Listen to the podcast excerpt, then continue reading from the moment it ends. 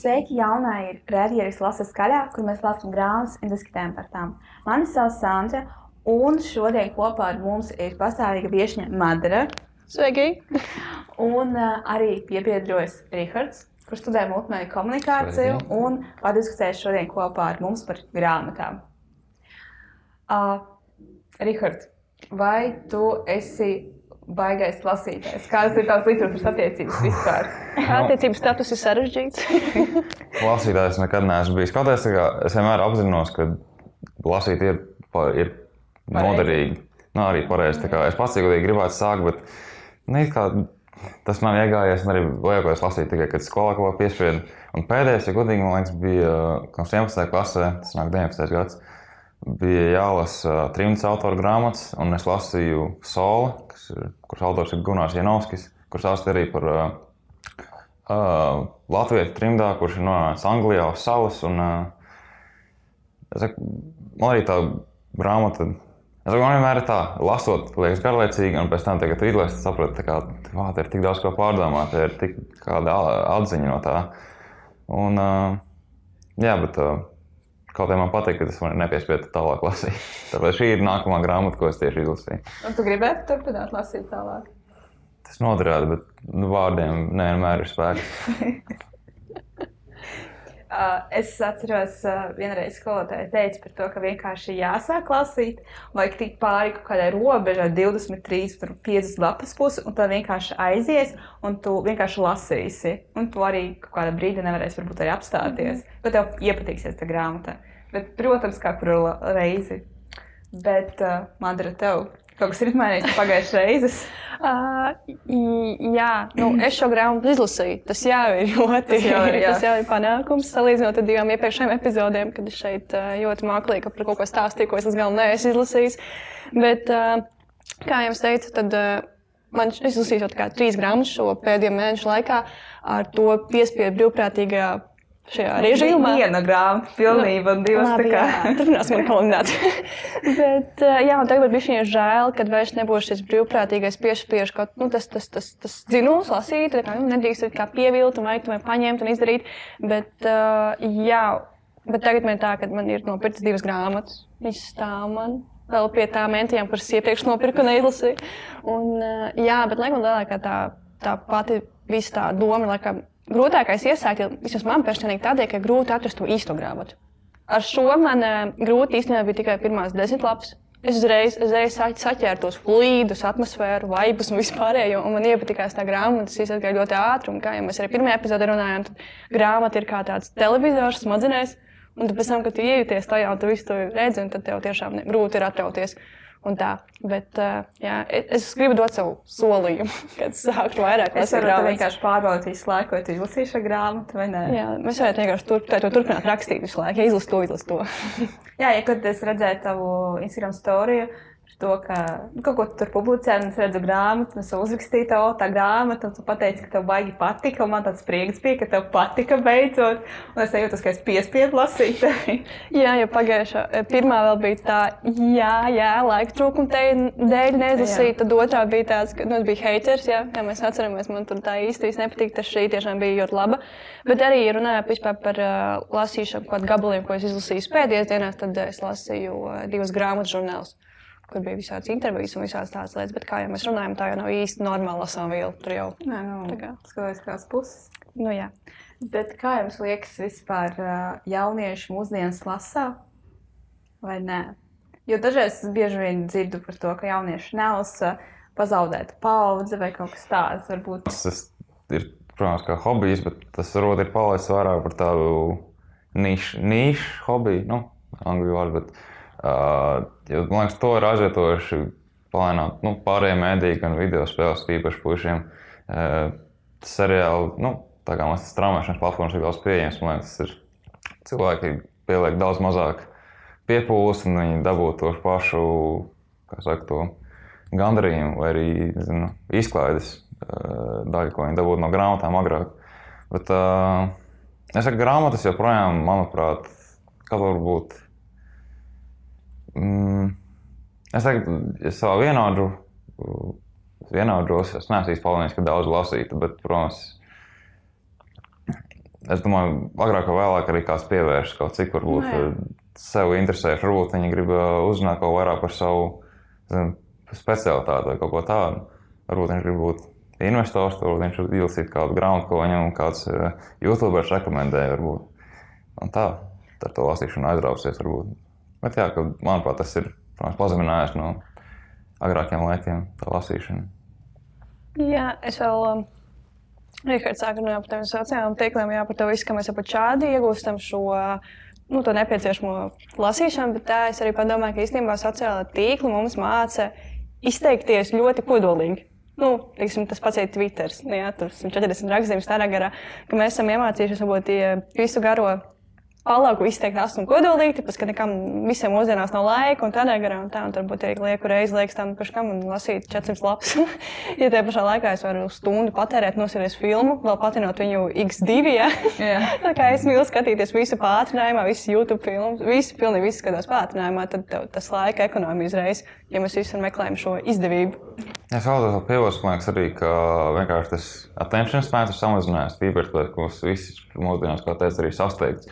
Mums ir brīvpiekļuve tik daudzām lietām, kur mēs tik ātri varam iegūt informāciju, kamēr grāmatas, kamēr, kamēr cilvēks desmit lasus, varbūt iesācējs tur vispār ar stundu lasīs. Viņš ir pieredzējis to, ka ieg- ātri iegūlē, izlasa vienu teikumu un tagad viņš domā, ka viņš ir eksperts. Ir par vēl tajos rakstos, kur ir izcelti galvenie citāti, ja tu vispār patērē, tad neviena citāta nav te jālasa visu lapu, lai būtu kontekstā. Jā, Jā, cilvēki. kaut kur ir izcēlts balss, tā kā izlasa to, kas baudē praktiski. Šodien tā kā, kur, kur ir tas svarīgākais, tā jālasa visu, lai uzzinātu. Jā, jo cilvēki dažreiz jau, piemēram, raksta, izlasa tikai virsrakstu, un viņi jau pašu tekstu nelasa. Tur vispār var būt kaut kas citādāks uzrakstīts. Nu, tīpaši, viņi eh, raksta kaut kādu komentāru, atbildi, un man tāds, tu pat neesi izlasījis rakstu, tu kā komentē šo rakstu. Tā kā, jā, bet eh, man liekas, arī grūti dažreiz par cilvēkiem lasīt. tā, Uzmanības dēļ, jo jāpievērš grāmatai uzmanība, nu, kādu stundu, divas stundas. Ja? Bet te mums ir TikToks, kur tā kā 30 sekundes paskaties, un viss. Vai arī tu ļoti ātri vari pāršķirstīt tās ziņas vai Instagram stories un paskatīties, kas notiek. Un visu tu jau visu zini, un es visu izlasīju. Un, ā, tāpēc arī dažreiz man liekas, grūti vienkārši sēdēt un lasīt. Mm. Tas jau ir, laikam, ir atkarīgs arī no kāda grāmata, tad arī būs interese. Jā, jā nu, kā mēs arī pagājušajā runājām, teicām, ka uh, man vienmēr būtu līdz šim studiju laikā pasliktinājušās šīs attiecības grāmatā, tādā, ka tu lasi to obligāto kaut kādu literatūru, un tiklīdz kaut kas ir jālasa, tu tā, tā kā drebuļi uznāk, un tur ir tāds, ka Dievs jālasa, jāsprīdzina smadzenes. Un tā man tad, kad tu saproti, jā, ka grāmata varbūt tā, kā hobijs, varbūt kaut kas patīkams, ko tu lasi, tev patīk, tu nolaic grāmatu, un tu vēl vienkārši tur vienkārši nedēļu liekas kaut kāda ekstāze, un liekas tāds foršs. Jā, bet vēl pašāk tas, ka mēs, kad ir, ir ā, Kad tu viens pats izlasi to grāmatu, tev tu citiem svešiem cilvēkiem sāc atstāstīt, tu gribi, lai viņi arī tikpat sajūsminās par to. Un tad man liekas, vajag forši, kad uh, lasīt vispār kopā ar draugiem. Un Vai tā kā mums, ka mums ir tā sava komūna, tāpēc, ka pirmkārt jūs motivējat viens otru izlasīt, līdz tam noteiktam datumam, nu, ja tā kā tu, nu, tev jāizlasa. Jā. Tu nedrīkst pievilkt, un otrkārt, mums ir par ko parunāties. Un man daudzreiz pirms ir bijis tāds, izlasīt to grāmatu, un pēc tam tu meklē kādos formos vai YouTube video, ko citi cilvēki par to grāmatu domā, tāpēc, ka tu apkārt neviens to grāmatu neizlasījis, un tad tev tik ļoti gribās dalīties. Un... Tas pats ar filmām arī. Nu, tā kā tu paskaties, tu parekomendēji draugam, paziņāji, ah, izskaties šo, paskaties šo filmu. Un cilvēks, protams, nepaskatās šo filmu. Un tad tu vienkārši meklē uh, visu informāciju internetā, YouTube, skaties uh, arī atsauksmes, jo tev ir interesanti, ko citi cilvēki domā par šo. Ja tev dažreiz ir tāds, um, ka tev ļoti patika grāmata, un ka tu sāc skatīties tās atsauksmes, un tu redzi, ka ir sliktas atsauksmes, un tev tāds. Nu, ļoti žēl, bēdīgi tu dzirdēt, īpaši par grāmatām kaut ko tādu. Ka tu patiešām ļoti patika viņam, bet citiem pārējiem Tā cilvēkiem. kā šajā epizodē es biju tā slikta atsauksme, kas šeit sēdēja. Tā man nepatīk. Man liekas, arī cik es skatījos sev, kamēr es vēl gāju vidusskolā, ka man liekas, citi uzskata, ka nu, grāmatas ir tās kā novecojis mēdījis. Mm. Arī tas, ka, nu, ka jālasa, ka tagad ir pieejama informācija daudz efektīvāk iegūst. Bet, uh, un arī kāpēc, man tas arī paskaidrot, kāpēc daudzi tagad bija obligātā literatūras skolā, viņi vienkārši izvairās. Viņi mm. pēdējā dienā uzraksta. Un tad bija tā, ka es pat dabūju lielāku atzīmi nekā es, kurš esmu izlasījis. Tad viņi saprot, kā, nu, kāda jēga man to darīt, ja es varu efektīvāk izdarīt, ar pieliekot mazāk piepūles. Nu, jā, man liekas, ka obligāti literatūra tas tā vairāk tāds biedējošais kaut kāds uh, vārds, uh, kur bērni, jaunieši nu, vispār baidās, ja tas būs kaut kas tāds, kas tam nepatīk. Bet man liekas, ir jābūt tieši tā izvēlē, obligātai literatūrai. Tu, vari izlasīt to, ko Jā. tu gribi no tās obligātas literatūras. Nav jālasa. Nu, jā, es atceros, ka manā skolā, kad es mācījos parastā pamatskolā, tā arī bija tās iespējas, kad eh, mums pavasarī bija vienkārši obligāti jāizlasa kaut kāda divas, trīs grāmatas. Un viss, tu vienkārši atnāc uz skolu, un tev par to bija jāpastāst. Tur, eh, un tā bija tā vienkārši kurs tu literatūrā kā skolā. Kaut ko tu lasi, bet mums arī jālasa tie pilnās, un mums deva to izvēles brīvību, jo, kad tā izvēles brīvība, tu uzreiz nejūti to spiedienu pirmkārt, kad tas jāizlasa, un ja tev nepatīk, tu vari atklāt pateikt, ka tev nepatīk. Nu, ir cilvēki, kuriem, nezinu, nepatīk tur tas savs ceļš gājējs vai tā patra Romeo un Julieta, un tas ir ok, un visiem nav, nav jāpatīk, bet varbūt tieši skolas sistēma izglītības uzreiz tiek spiest, ka tev tas jāpatīk, un tev jādara tagad tur slavinošs, tas tur, nu, Nu, pārbaudas darbs par to. Un tad tā traumātiska pieredze var nākt no bērnības līdzi. Jā, jo vienkārši man liekas par to, ka tas ir normāli, ka tev var grāmata nepatikt, un tu vari kā, neatbalstīt kaut kādus varoņus, piemēram, uh, vispār situācijas kaut kādas, tur vispār neat- neatbalstīt kā varoņu rīcību. Un tas ir normāli. Galvenais ir spēt to paskaidrot. Man liekas, arī tāpēc arī māca literatūru, lai mēs spētu paskaidrot, kāpēc mums kaut kas nepatīk, kāpēc šīs vai šīs bija pareizs vai nepareizs. Tas ir normāli. Tas nav jāpiekrīt uh, tam, kas bija rakstīts uh, visur internetā. Jo, jo tā kā caur šo uh, refleksiju, ko mēs domājam, mēs iepazīstinām vairāk sevi. Kā ir tas teiciens par to, ka māksla jau nekad nesniegs atbildes, jo māksla uzdod jautājumu. Tas pats tā grāmatā, tā grāmatai nav jābūt pilnīgi jā- jābūt tādai visam saprotamam. Tā jābūt tā grāmatai, kas kaut, kā, kaut ko tev izmaina. Nu. Man liekas, vienkārši tas, tas, tā literatūra, kas ir obligāta, vienkārši nu, paskatā, jāpaskatās no citas puses, un mazliet varbūt arī jāizmaina. Jo tik daudz izstrādās lab, patiešām ļoti labas un vērtīgas uh, literatūras, un tā kā nav jālasa visu laiku vienu un to pašu. Ne, es, es nezinu, protams, kā, kā tā izskatās tad literatūra, Jā. jā. bet es ceru, ka tā literatūra, kura bija man, viņa noteikti nav tāda tagad, uh, nezinu, Jā. tam trešajai klasē. To, nav tāda literatūra, ko es lasīju. Jā. Bet, ja godīgi, izlasot šo grāmatu, man liekas, ka šī grāmata vispār arī varētu būt šobrīd, nezinu, latviešu pamatskolas vidusskolnieku kā oblig, nu, ne obligāta literatūra. Teiksim tā, ne obligātā, bet ieteicamā literatūra, kas Jā, būtu jāizlasa. varētu būt. Jo man liekas, šis patiktu. Ja tur atceros, man arī vidus, nu, vidusskolā, pa pamatskolā arī vienmēr bija tā, nu, noiet grāmatu saraksts, kas var teikt, ka arī katru gadu, es domāju, tās pats, un tad pēc tam nezinu, uzrakstīts grāmata, kas izdota, nezinu, no kaut 20. gada. Un latviešu valodā. Un tad mm -hmm. vienkārši meklējām, tā kaut ko atrod. Bet arī bieži vien es teiktu, ka nu, ir grūti piespiest jauniešus vispār tā kā sevi lasīt, jo arī viņi pastāv tādu obligātu literatūru, labi viņi to izdarīs. Bet viņi paņēma tādu grāmatu, kur, man liekas, ir vis- visīsākā, tikai lai būtu. Lai Vai arī, jau, kad tev jālasa tajā literatūrā, vai vispār, kad tev tā obligāti ieteicamā, vai vispār, nu, arī man bija, kad es, mēs izlēmām, ka trešā, nu, tu izlēmi, ka trešā grāmata būs tā šī, nu, kāda latviešu autora, jā, un tad tika pieņemts lēmums, ka būs šī, ir jau bišķi, nu, tā tā sipsiņa, tā skept, nu, skepticisma, tā kā, ā, nu, ko te mēs te latviešu, kādu mēs te filmu varam uzpildīt, kādu mēs te grāmatu varam uzrakstīt, kaut kā tas, tas, tas negatīvs, kas reiz nāk, bet viņš ir, un es kādēļ mums viņš bišķi nāk dabiski ārā, bet es centos laiku viņām slāpēt, man bija tāds, es eju uz grāmatnīcu, es eju pērku, un tā kā skatīties ļoti objektīvi, un skatoties objektīvi šī grāmata ir labi. Tas man liekas, tas pats pats kā latviešu filmām. Jā. Tad, kad tu piedāvā cilvēkam, ejam uz latviešu kādu filmu, kino tādu, viņi tādu, ah, nu nē, es negribu uz latviešu filmu iet. Tāpēc nu, nesen arī nebija stilīgi klausīties latviešu mūziku. tā kā man tas vēl projām nav stilīgi. Es vienkārši esmu palikusi veca, bet tāpēc man tas liekas pieņemam. Bet, jā. Tāpēc, jā, man liekas, bet uh, tieši otrādi ir jāiet uz latviešu filmām, tā kā gan atbalsts, un, protams, tām filmām, kur tu gribētu redzēt, vienkārši paskatīties par traileri un varbūt tas mm. ieinteresēs.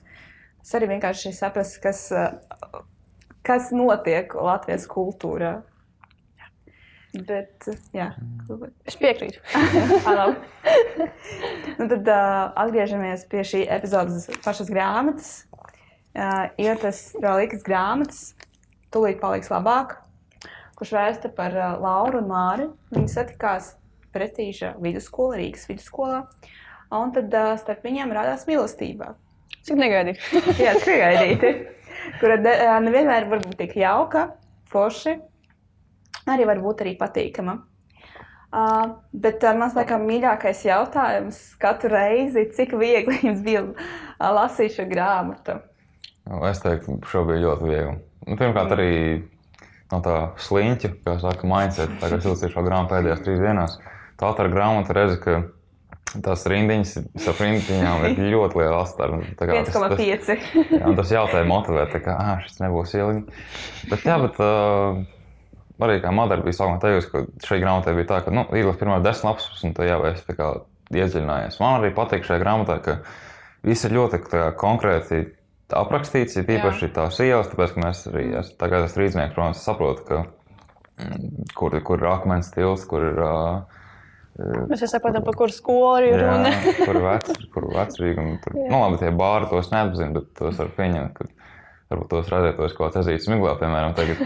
Bet uh, arī uh, man arī, es izpratu, kur ir izšķilt, tāpēc man arī lauki ir šalkalnē, kas ir blakus izšķilē, tāpēc es zinu arī to ceļu, kur ir vilciens atrodas. Tur arī Laura bija vienbrīd aprakstījis, ka, nu, viņi brauc ar vilcienu, tad uh, pa, uh, garām paiet uh, liels ceļš, tad ir mežs, tad ir liels ceļš, es domāju, tie kadri man ir galvā, tāpēc, ka es apmēram zinu, kā tas izskatās. Jā, tas, ka ir iedziļināties grāmatā, tieši palīdz tas, ka cik sīki ir aprakstīts. Arī tas, nu, kā saka, imersīvais angliski. Man liekas, bija tieši sīki aprakstīts, bet uh, bez, uh, nebija nekas liekas. Vajadzīgie sīkumi, jo kas man patīk tajā grāmatā, kur, piemēram, tie visi, nu, piemēram, tu pēc būtības kāds gads kopā ir aprakstīts, jā, nu, apmēram pusgads, no, ne gads, laikam, mācību pilnais gads, kas bija, jā. Bet ir tā, ka viņš nebija tur precīzi katru dienu, kad mēs visu laiku uzzinājām, pēc būtības pašu svarīgāko. nu, kad ir tās noties, tika dalīts, kaut kas notiek, tad atkal ģip, tā pauzīte, ja tur tie divi punktiņi Jā. pa bija un ejam tālāk. Un, tā mēs visu laiku zinājām to pašu svarīgāko. Nevis kaut kāds, nu, mēs neredzējām istabas aprakstus trīs lapām. nu, tādā ziņā, ka tā kā, man patīk, ka viss bija kā kodolīgi, bet arī ļoti svarīgi aprakstīts gan lietas, gan nezinu, personāžu, kaut kādas citas lietas izskats. Un, Kā jau Rihards teica, ka arī, kas man jā, ļoti, ļoti patīk, ka tas notiek Rīgā. Es arī esmu līdziniece, es zinu tās visas lietas, un es varu ļoti iejusties. Ja pirms es teicu, ka fantastika man nepatīk, tāpēc es nevaru iejusties. Es tur nevaru, kā, es nevaru būt tas fantastisks kaut kāds tur, tas personāžs, kas 15 gados ir sērija veids slepkavu, ja, kaut kādā akmens laikmetā. Bet šeit es varu būt uh, Laura vai Zāne vai kā, jo es zinu, es esmu staigājis pa tām ielām. un Tas ir ļoti arī te pašā laikā neparasti, jo es neesmu daudz grāmatas lasījis, kur tas viss notiktu Rīgā. Nu, pilnīgi. Jā, tam nav tik daudz. 20 gadus atpakaļ. Ārpēc daudz, bet Labi, es tikai piedzimu tajā. es vēl nebiju tur piedzimusi. Nu, kad drīz. Uh, jā, es jums piekrītu. Bet es īstenībā, kad es atceru to grāmatu, skatos, maz teksta. Nu, labi, gan jau ātri izlasīšu. Bet viņi tiešām ļoti ātri lasās. Un, uh, jā, bija dažreiz tādi vārdi, ko es nevarēju saprast. Tas bija žargons vai kaut kas tāds. Un tur man ļoti situācija patika. Man liekas, Mārijas pašā sākumā kā kaut ko gribēja nopirkt, kādām, nu, kaut ko No mazā baroniņa. Jā, mazā balonā viņš kaut ko gribēja nopirkt. Viņš saka, ka nauda ir. Viņš saka, cik? Un tā kā divi govi, viens man, viens tur kaut kur. Man tāds, un viņš tad saka, ka tas ir pārāk dārgi. Un Tāds, "A, kas ir govi? Tik lati. Jā, un es domāju, tagad sēžu domā, es kā pārlasu, un tāds govi. Ah, jā, tie bija lati, uz diviem latiem jau bija govis, un viņš prasīja četrus latus. Jā. Tas bija tāds interesants moments.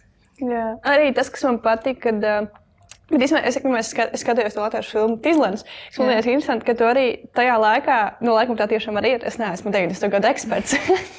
Bet ja tik daudz jā, tika izmantots angļu un krievu vārdu. Un man liekas, tā pašā tik ļoti dīvaini, ka šobrīd eh, jaunatnē pārmet to, ka "Ā, jūs nerunājat tīrā latviešu valodā. Bet visās tajās kaut kādās filmās un grāmatās, kur ir arī parādīts tas laiks, kur parādās nu, tālāk, jauniešu tālāk, ikdiena. Tur arī tas ir, kad tur, ir, tur bija gan krieviski, gan angliski un, un tādi vārdi. Tāpēc, jā, nevajag pārmest jauniešiem, ka ir vēl tikai latviešu.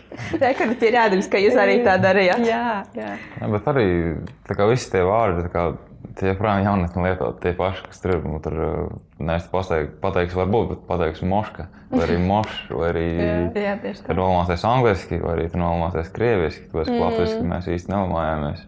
Tas nav stilīgi. Stilīgāk ir uh, citā valodā. Jā, un arī tur tā paša vārda, nezinu, ķerta, vai arī kas tur vēl bija. Nu, jā, nu, Man nāk prātā tikai tās rupjības, kas tur tika pateikts, un es to nedrīkstu teikt skaļi. nu, es arī tāpēc nepieminēju. Uh, bet uh, jā, es, es jums piekrītu. Un, uh, tas man pārsteidz par to, ka arī- ļoti ātri var izlasīt, un viss ir saprotams, kas notiek. Kāpēc? Bet uh, bija arī diezgan interesanti lasīt no tās perspektīvas, ka es nebiju dzīvojis tajā laikā, nu, kā pieaugušais cilvēks. Un uh, līdz ar to vispār tā dzīve bija diezgan interesanta. Ja tad nebija, te, nu, labi, telefona varbūt viņiem bija, jā, bet viņiem vajadzēja kaut kur iet, kaut ko papildināt. Viņi saprotu- pagers vairāk lietot. Jā, pages tā kā Jā. Man parasti kur tos telefonus tos. Un tad Jā. viņam tikai tie elektriskie parādījās, laikam, Laurai mājās ar kasturu. Tad mamma tik un tā pie vada visu laiku stāvēja. Jā. Viņa tur rakstīja, ka mamma ir pierasts, ka tagad paņem telefonu un iet kaut kur prom. Tur visu laiku arī bija apgājis pie tā taksofona. vai ko- vai Jā, bija tās kārtas, Nu, jā, ka, izman, ka nu, Jā. Laura deva zvanīt, lai viņa pazīstinātu ar vecākiem. Un tādā garā tas pats, kad arī ā, nu, mājas zana tajā molā tur to ūdeni vēju ķēra jaunu neprātīgi, jā, vētrā aizbraucat uz to molu. Tad, jā, viņi satraucās, jo neviens nevarēja viņu sazvanīt loģiski, nu, jo viņiem nav telefona tādā garā. Un tas tā pašā laikā liekas tā, tik. ā, Es nezinu, es, godīgi, es gribētu tā bišķiņu padzīvot. Mums nevienam nav telefona.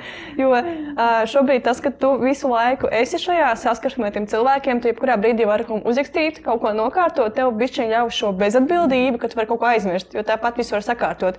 Bet tur bija tā, ka tu izgāji no mājas no rīta. Viss. viss tur pazūd. Jā, un Man arī tas, ka tā kā, nu, izņem, izņem telefonu, ko var noliekt, un tad kā tu izēj ārā bez telefona, kaut vai suni. Un tagad ir atbrīvojuši sajūta. Tā nav tas uztraukums, ka, nezinu, varbūt tur nokritīs, tad telefons aplēsīs. Varbūt, ka tev kāds piezvanīs, uzreiz domā, ah, ko viņš zvana. Es baidītos iziet no tā bez telefona. Jā, man godīgi man ir tā, es izgāju no mājas bez telefona, kaut kādā uz veikalu. Nu, tā kā es esmu pakaļ pienam, piemēram. Tu man tāds, ok. Jā, tu, tā kā, tu nevari atrast jau telefonu kabatā, un tev tās jau uztraukums, kur viņš ir. Tas, tā kā, tas nav normāli, bet te pašā laikā arī ir normāli. Nu, tā mūsu ikdiena ir telefons. Jā, bet es gribētu piedzīvot tā, ka to taksofons, tās telefona būdiņas, es atceros, ka bija pavisam sīkumi, bija kādi es 5, arī 6 gadi. Tad pagalmā mums bija tādas, bet viņas nestrādāja, man liekas. Un tad bija tā lielā grāmata, kur tu vari vaļā, un tur bija visi, man liekas, Latvijas iedzīvotāju numuri. Es nezinu precīzi, bet jā, tad uh, būtu forši kaut, kas, kaut ko tādu varētu darīt. Arī man patīk, ka tur bija moments par internetu, kad uh, Mārcis bija pie Lauras, un viņa pateica par to, ka nekad nav jāpēra internets, mamma redzēs rēķinus un tā, un tev tik, tā kā, likās tas Jā. ir tik interesanti, jo tu īsti neesi, nu, tu nedomā par to, cik tu tērē to internetu, vienkārši tērē viņu. Bet man liekas, tas pēc būtības, ja mēs to situāciju izanalizējam, es pēc tam viņu tā noliku grāmatu un pilnīgi tā kā pat viņu analizēju. Es sapratu, ka tas bija tas labāk, tas viens no, no tiem situācijām, ka mēs sapratām, ka Mārcis tā kā galīgi nav ok. nu, tajā brīdī, ja dzīvo tajā laikā, tu saproti to internetu vērtību, to naudas vērtību, ka tas ir dārgi un ka viņš vienkārši aizmirst izslēgt internetu, lasot savu rakstu par sēnēm. Un vienkārši zināmām stundām, man liekas, tur arī pazūd tā, ka tās rūpes par to otru cilvēku, Man liekas, par to atcerēšanos. Man liekas, tas jau sen bija saprotams. Protams, jā, bet man liekas, tā bija viena no spilgtākajām Es domāju, situācijām. tieši tagad viņš uzzināja, ka Laurai nav māma, māma piesdienas šajā nedēļā, un tad viņš atbrauc, un tad, man liekas, nu, kā Jā, saka, aizgāja pa pieskaru. Jā, māša bija kā nelūgta dāvana tur. Jā, galvenais pēc tam viņa pateica par to, ka, ah, nu labi, jā, es jau gribēju tev tur, man liekas, uzaicināt vai kaut kas tāds. Bet pat tā pašā laikā viņa negribēja, lai viņš nāktu pie, pie viņas, un, jo viņa zināja, kas varētu notikt. Bet uh, es gribēju arī uzzināt, ko jūs domājat par vāku noformējumu. Vai jums viņš patīk, kādas bija pirmās asociācijas varbūt? Nu, man pirmā asociēties, ja godīgi, nu, man liekas, ka tas varētu kaut kā, nezinu, pēc uz patiesiem notikumiem balstīts, man liekas, tā nezinu, melnbās kaut kas tāds. Bet no otras puses arī, ka tomēr tas ir, man liekas, tīna drāma, tādas, tipa tādas vākas, teiktu. Bet arī, nu, pēc to vāku simbolikas, tas ir, piemēram, Laura attēlot, kā man liekas, ka, nu, Nu, es Tā domāju, kā- ka viņa tā kā varbūt Laura ir attēlot par to, ka viņa Kāpēc grib šeit tās vielētās puķītes? Laikam, tā tas simbolizē Tā kā tūlīt no sirds, labāks. jā, ka tu nāk Jā. pavasaris. Varbūt tā tā paliks doma. labāk, tas nozīmē. À, kad sāk palikt labāk. Jā, nu, varbūt, Jā, jā, tā ir. tā doma, ja tu izlasīsi grāmatu, varētu redzēt, tā ir Laura, kad viņa no tā kā, tās Daugavas kāpa ārā, vai ne Daugavas upes vai kur. Kas, nu, kur tā tie? bija daudz. Jā. Tā bija un Daugava, jā. tur- viņa gandrīz, nu, tā kā umir.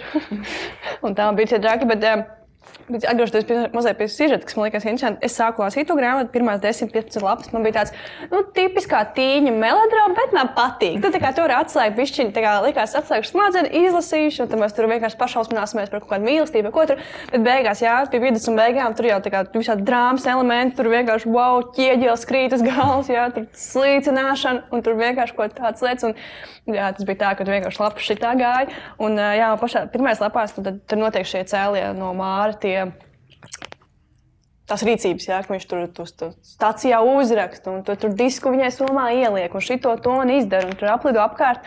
Un es uh, tieši draugam teicu, nu, Kāpēc man tā nav? Kāpēc man neviens puisis kā neko tādu? Es arī gribu tādu mīlestību. Tā kā filmās, tā kā grāmatās pēc pāris lapām jums saku, nē, es negribu tādu mīlestību.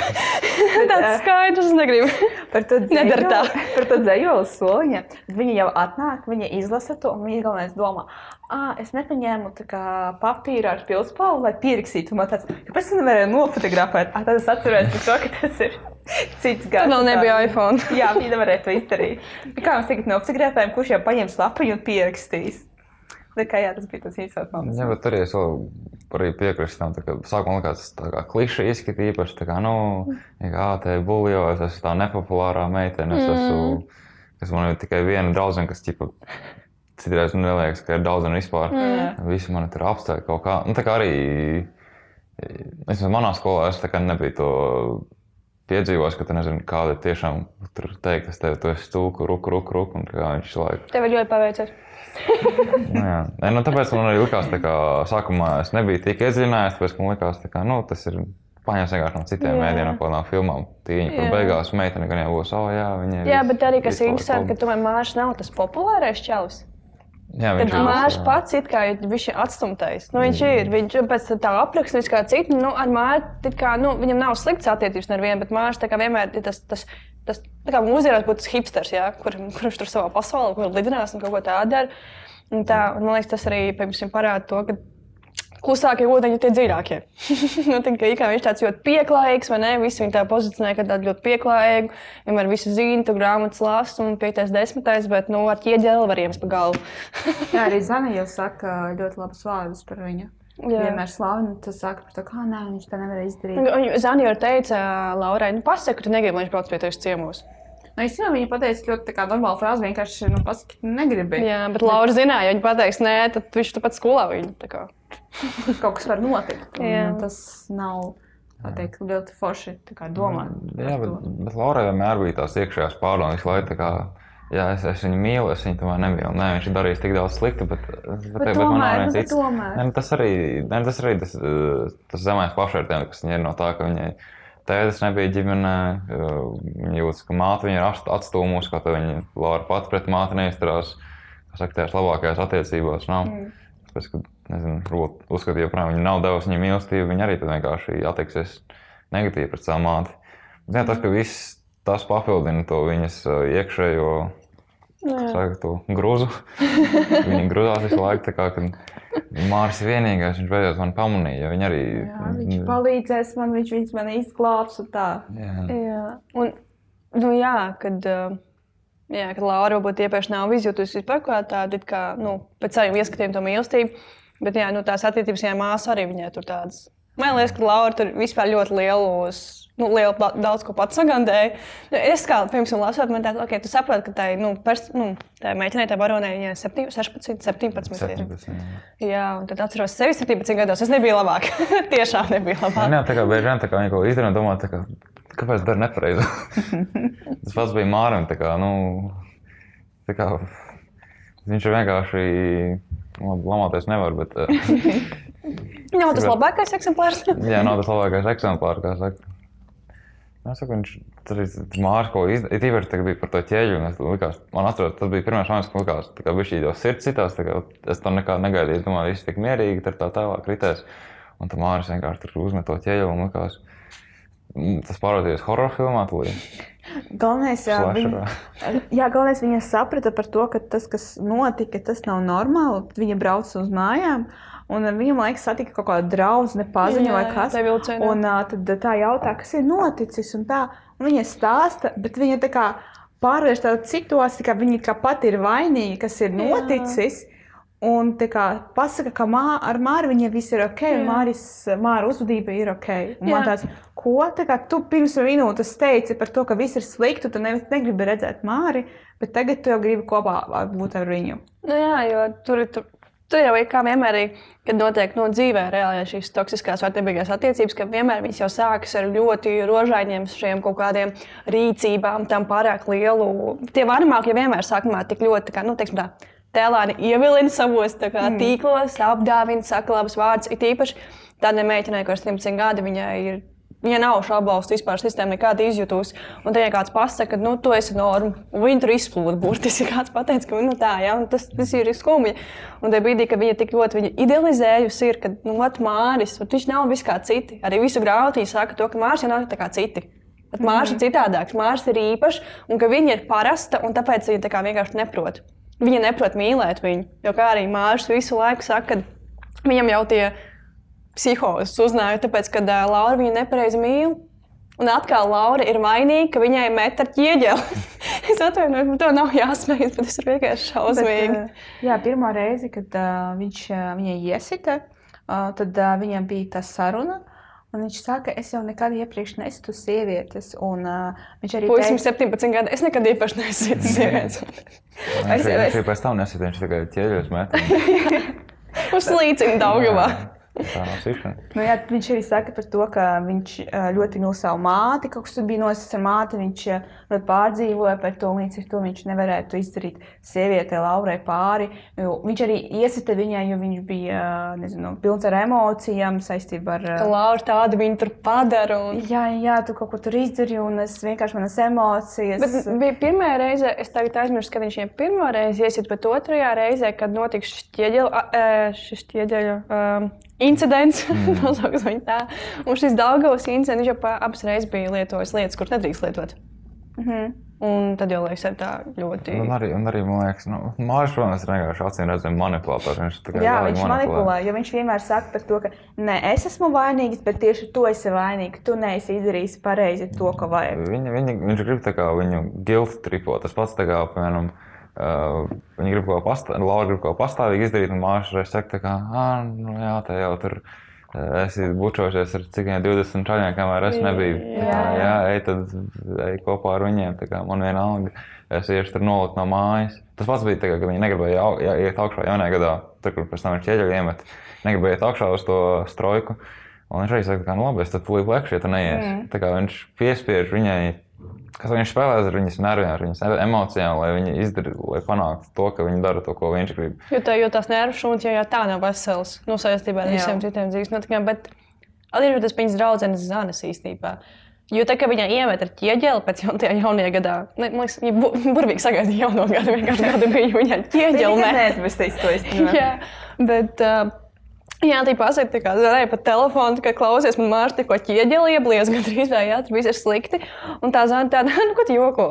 Nu, tā zvanīja, bet būtībā to arī neuztvēra kā tādu problēmu. Ja pirms tam, ka viņš jau tur bija iesits, būtu kaut ko pateicis, tad zvanīja, nu, zvanīja tā neviļas laiku ir. Uh, Māra pusē, tāpēc, ka viņi, nav, viņi neredz to, kā, nu, kāds viņš tāds ir. Jā, tā, tad es nezinu, ja man draudzene pateikt, klausies, man tikko mārs iesiet ar ķieģeli, man būtu tāds. Nu, tā, vis, nu, vis, tas, mā- mēs, mēs tā kā to māri kancelot, jā. un viss, tāpēc, jā, tā arī liekas tā, ka, nu, jā, tā draudzība. Jā, bet arī tas Mārcis, tas, teiktu, tas masterplāns, kā saka, ka viņš parāda citiem, cik viņš ir labs. Tagad tas pats zanē, viņš jauties tā kā normāls cilvēks, bet tagad viņš vienotnē ar Lauru te jau viss aiziet grīstē, tāpēc viņš var to pieļaut. Tad Atkal jā, šī teorija arī par tiem varmākiem, kad ir var- vardarbība ģimenē, ka tie vienmēr tie vīrieši, kas emocionāli, fiziski vai seksuāli izmanto vardarbību nu, ģimenē, tad tie paši no ārpuses ir tie cilvēki, kuriem nezinu, tur ir labi amati, viņi labi pelna, ir cilvēki, par kuriem sabiedrība pateiks tikai to labāko. Tādēļ, Viņi ka viņi to visu, kas viņiem ir, nu, ko viņi saņem pirms negatīvismu ārpus sabiedrības ikdienā vai darbā, viņi vienkārši to izliek uz šo nu, mazāk, to mazāk varošu to, to cilvēku šajā gadījumā, Viņi, viņi, viņi var teikt, izveidot pašu savu šo PR. Ir paši savu sabiedriskā attiecību eksperti, un pēc tam viņš vienkārši uzteico savu tēlu labo. Tam tagad Bet līdz ar to skolotāji zināja, ka Mārcis nav labs.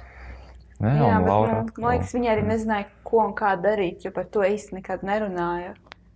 Varbūt arī tādēļ. Jā, jo, jā nu, patiesībā tie ir 99. un 2000. gads, kad par tādu vardarbību. Nu, Mūsu laikos, cik par to vardarbību nerunā, protams, tas ir daudz uz priekšu, bet nu, arī vēl cik liels ceļš mums ir ie- iesnams uz priekšu. Bet īstenībā, jā, nu, grūti iedomāties, pat manā skolas laikā, piemēram, man kādas skolas biedri, nu, vai eh, klases biedri ir tāds iesnams vardarbības, vai skolotāji beig iesaistītos. Man liekas, ka nē. Nu, tā kā, vai ir tie rīki, jo man liekas, mums nav vispār to rīku, kaut vai elementāri, ka bērnu vienkārši apceļ klasē, nav tie rīki, kur nu vēl katru savstarpējās attiecībās iet. Varbūt vienkārši jāsāk tieši runāt, kas ir vardarbība un ka tas, kā, ka tas nav normāli. Nu, kā piemēram šīs. Jā. Jā, ir mīļi, ka viņš tur uzrakstīs uh, tos dzējoļus uz soliņa. Jā, tiešām mīli. Bet, kad tu uzzini to cilvēku, un ka viņš te var vienkārši iesita, tas nav normāli. Viņš saka, ka ne es esmu vainīgs, bet tu esi vainīga. Ja? Ka tu esi provocējusi to. Jo arī pēc tam, kad viņa gadījis nomira, burtiski viņa nomira gandrīz. Un tas daudz, nu, es atgriezos pakaļ savā liecībā. Viņai bija tāds, Mārī, mēs būsim kopā, viss ir kārtībā. Un viņš atkal vienkārši viņu bildina. Un pat viņš teica, dzīvosim kaut kādā komunālajā dzīvoklī, es strādāšu tirgu. Un tā Laura ir tāds, es negribu strādāt tirgu, es gribu dzīvot mazā dzīvoklī, es gribu izmācīties, iegūt kā, nu, izglītību, normālu darbu. Un tomēr tas brīdī viņai bija tas spēks pateikt, nē, Mārī. Jā, tas bija tā mācīt. Paldies. Jā, vai jau bija tāds, ka Dievs to pateiks, tā kā jā, dzīvosim laimīgi, sadzimties desmit bērnus, un viss nu, būs slikti. Bet, uh, jā. jā, tas es teiktu, varbūt. Tas likās baigi pēkšņi. Viņi pēc tam runā, kā, jā, nu vai Mārta tur viņa satikšu, viss tur apskaušu, viss būs kārtībā. Viņš ir mākslinieks, man viņam mm. māksliniekiem vajag stipru sievieti blakus. Mm. Un tad viņi kā satiek viņu, pēc tam uzreiz pasaka, nē.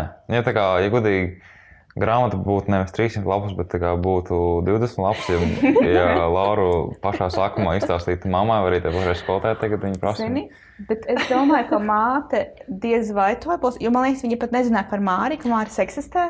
Ah, nē, nu viņa zina. Jā, nu, tā, nu, man liekas, viņa nezināja, ka man liekas, Lauras, es, es esmu kādreiz, es esmu Lauras mammas aizstāve, advokāte. Es tā kā neesmu neviena puse. Jo man liekas, ja Laura izceras izlikt normālas attiecības ar māti, Uh, un pateikt, ka, jo mammai bija tāds, hei, tev tur puisis zvana, jā, kaut kas tāds, un viņa nebija tāds, ka Dievs tev puisis zvana, ko tur, ko tur. Viņa vienkārši negribēja, lai viņi ved uz mājām tos puišus, varbūt tāpēc, ka, nu, tā kā, jo iznāk šī tā kā sanāca, jā, viņa negribēja, lai tā sanāk. Ja viņi varbūt arī atcerējās savu jaunību, tā kā, nu, varbūt nu, viņi arī. Jā, un vienkārši tieši ballīšu dēļ, tāpēc, kā cik reizes grāmatā tika uztverts to arī tajā laikā, pat šobrīd vecākā paudze, nu, bet arī jaunākiem ir svarīgi par to, ko padomās kaimiņi. A, ko cilvēki teiks? Apbrauks ar pilnu māju, ko viņiem pušiem meitenēm tāds taisīs, jā, kaut kādā ikšķelē, kas būtu tajā laikā bija, nu, labi, tie nav lauki, atvainojos. Jā, ja tā arī Laura saka, tie nav lauki.